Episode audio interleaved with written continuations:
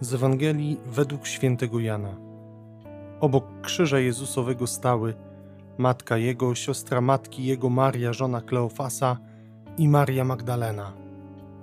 Kiedy więc Jezus ujrzał matkę i stojącego obok niej ucznia, którego miłował, rzekł do matki: Niewiasto, oto syn twój. Następnie rzekł do ucznia: Oto matka twoja. I od tej godziny uczeń wziął ją do siebie. Potem Jezus, świadom, że już wszystko się dokonało, aby się wypełniło pismo, rzekł: Pragnę. Stało tam naczynie pełne octu, nałożono więc na hizop gąbkę nasączoną octem i do ust mu podano. A gdy Jezus skosztował octu, rzekł: Dokonało się. I skłoniwszy głowę, oddał ducha. Ponieważ był to dzień przygotowania, aby zatem ciała nie pozostawały na krzyżu w szabat, ów bowiem dzień szabatu był wielkim świętem, Żydzi prosili Piłata, żeby ukrzyżowanym połamano golenie i usunięto ich ciała. Przyszli więc żołnierze i połamali golenie tak pierwszemu, jak i drugiemu, którzy z Jezusem byli ukrzyżowani. Lecz gdy podeszli do Jezusa i zobaczyli, że już umarł, nie łamali mu goleni, tylko jeden z żołnierzy włócznią przebił mu bok, a natychmiast wypłynęła krew i woda. Szczęść Boże, kochani, witajcie serdecznie. Mam nadzieję, że wczorajsza uroczystość zesłania Ducha Świętego była dla Was takim ogromnym przeżyciem.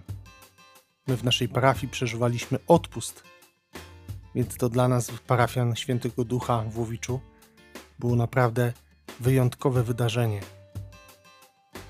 Ale mam nadzieję, że każdy z nas, bez względu na uroczystość, doświadczył wylania Ducha Świętego w konkretne sytuacje Twojego życia. Zawsze dzień po zesłaniu Ducha Świętego Kościół przeżywa święto Najświętszej Maryi Panny Matki Kościoła. Potocznie nazywany jest ten dzień drugim dniem Zielonych Świąt. Dlaczego tak? Dlaczego właśnie w ten dzień, dzień po zesłaniu Ducha Świętego, czcimy Matkę Kościoła?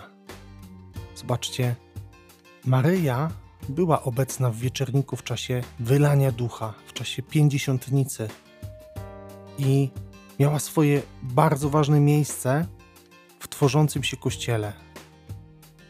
To ona była z uczniami, to ona opiekowała się nimi, towarzyszyła im w oczekiwaniu na Ducha Świętego.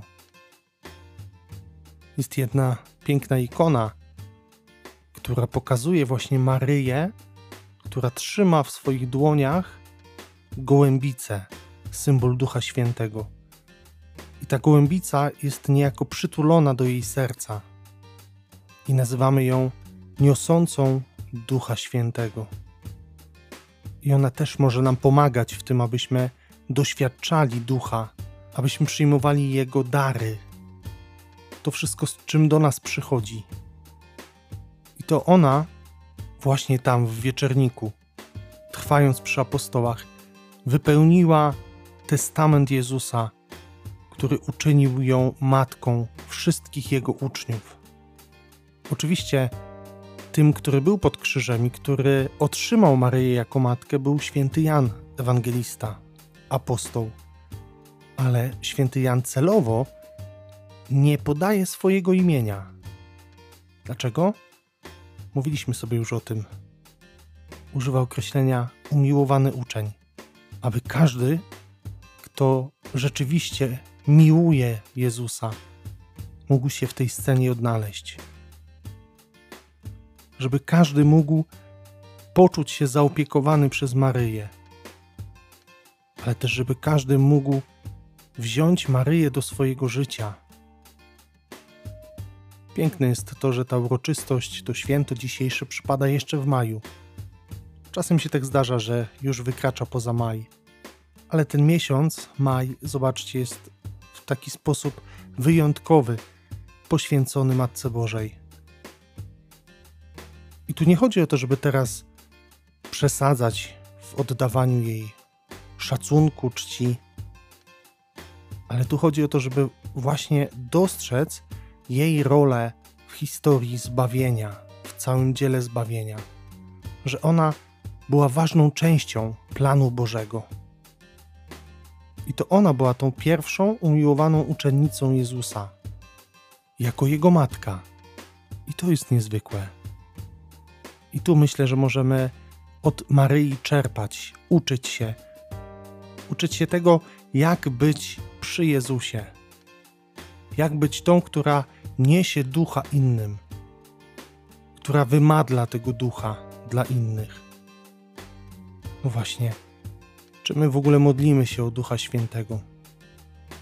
Czy my wypraszamy ducha dla innych? Bo jeśli ja sam nie mam doświadczenia Ducha Świętego, nie jestem z nim w przyjaźni, to jak mogę być tym, który niesie ducha innym? Warto sobie zadać pytanie: czy ja jestem tym, który niesie Ducha Świętego innym, zanosi im, wyprasza tego ducha dla nich? Ucz się od Maryi takiej postawy. Ucz się bycia z Kościołem. Ucz się bycia w Kościele. Bo właśnie tam, w wieczorniku, oni w taki bardzo mocny sposób doświadczyli wylania ducha. I wyszli z tego wieczornika i zaczęli głosić. Głosić zmartwychwstanie. I niech to będzie część naszego życia Niech to będzie historia naszego życia. Błogosławię Wam, kochani, na ten dzień.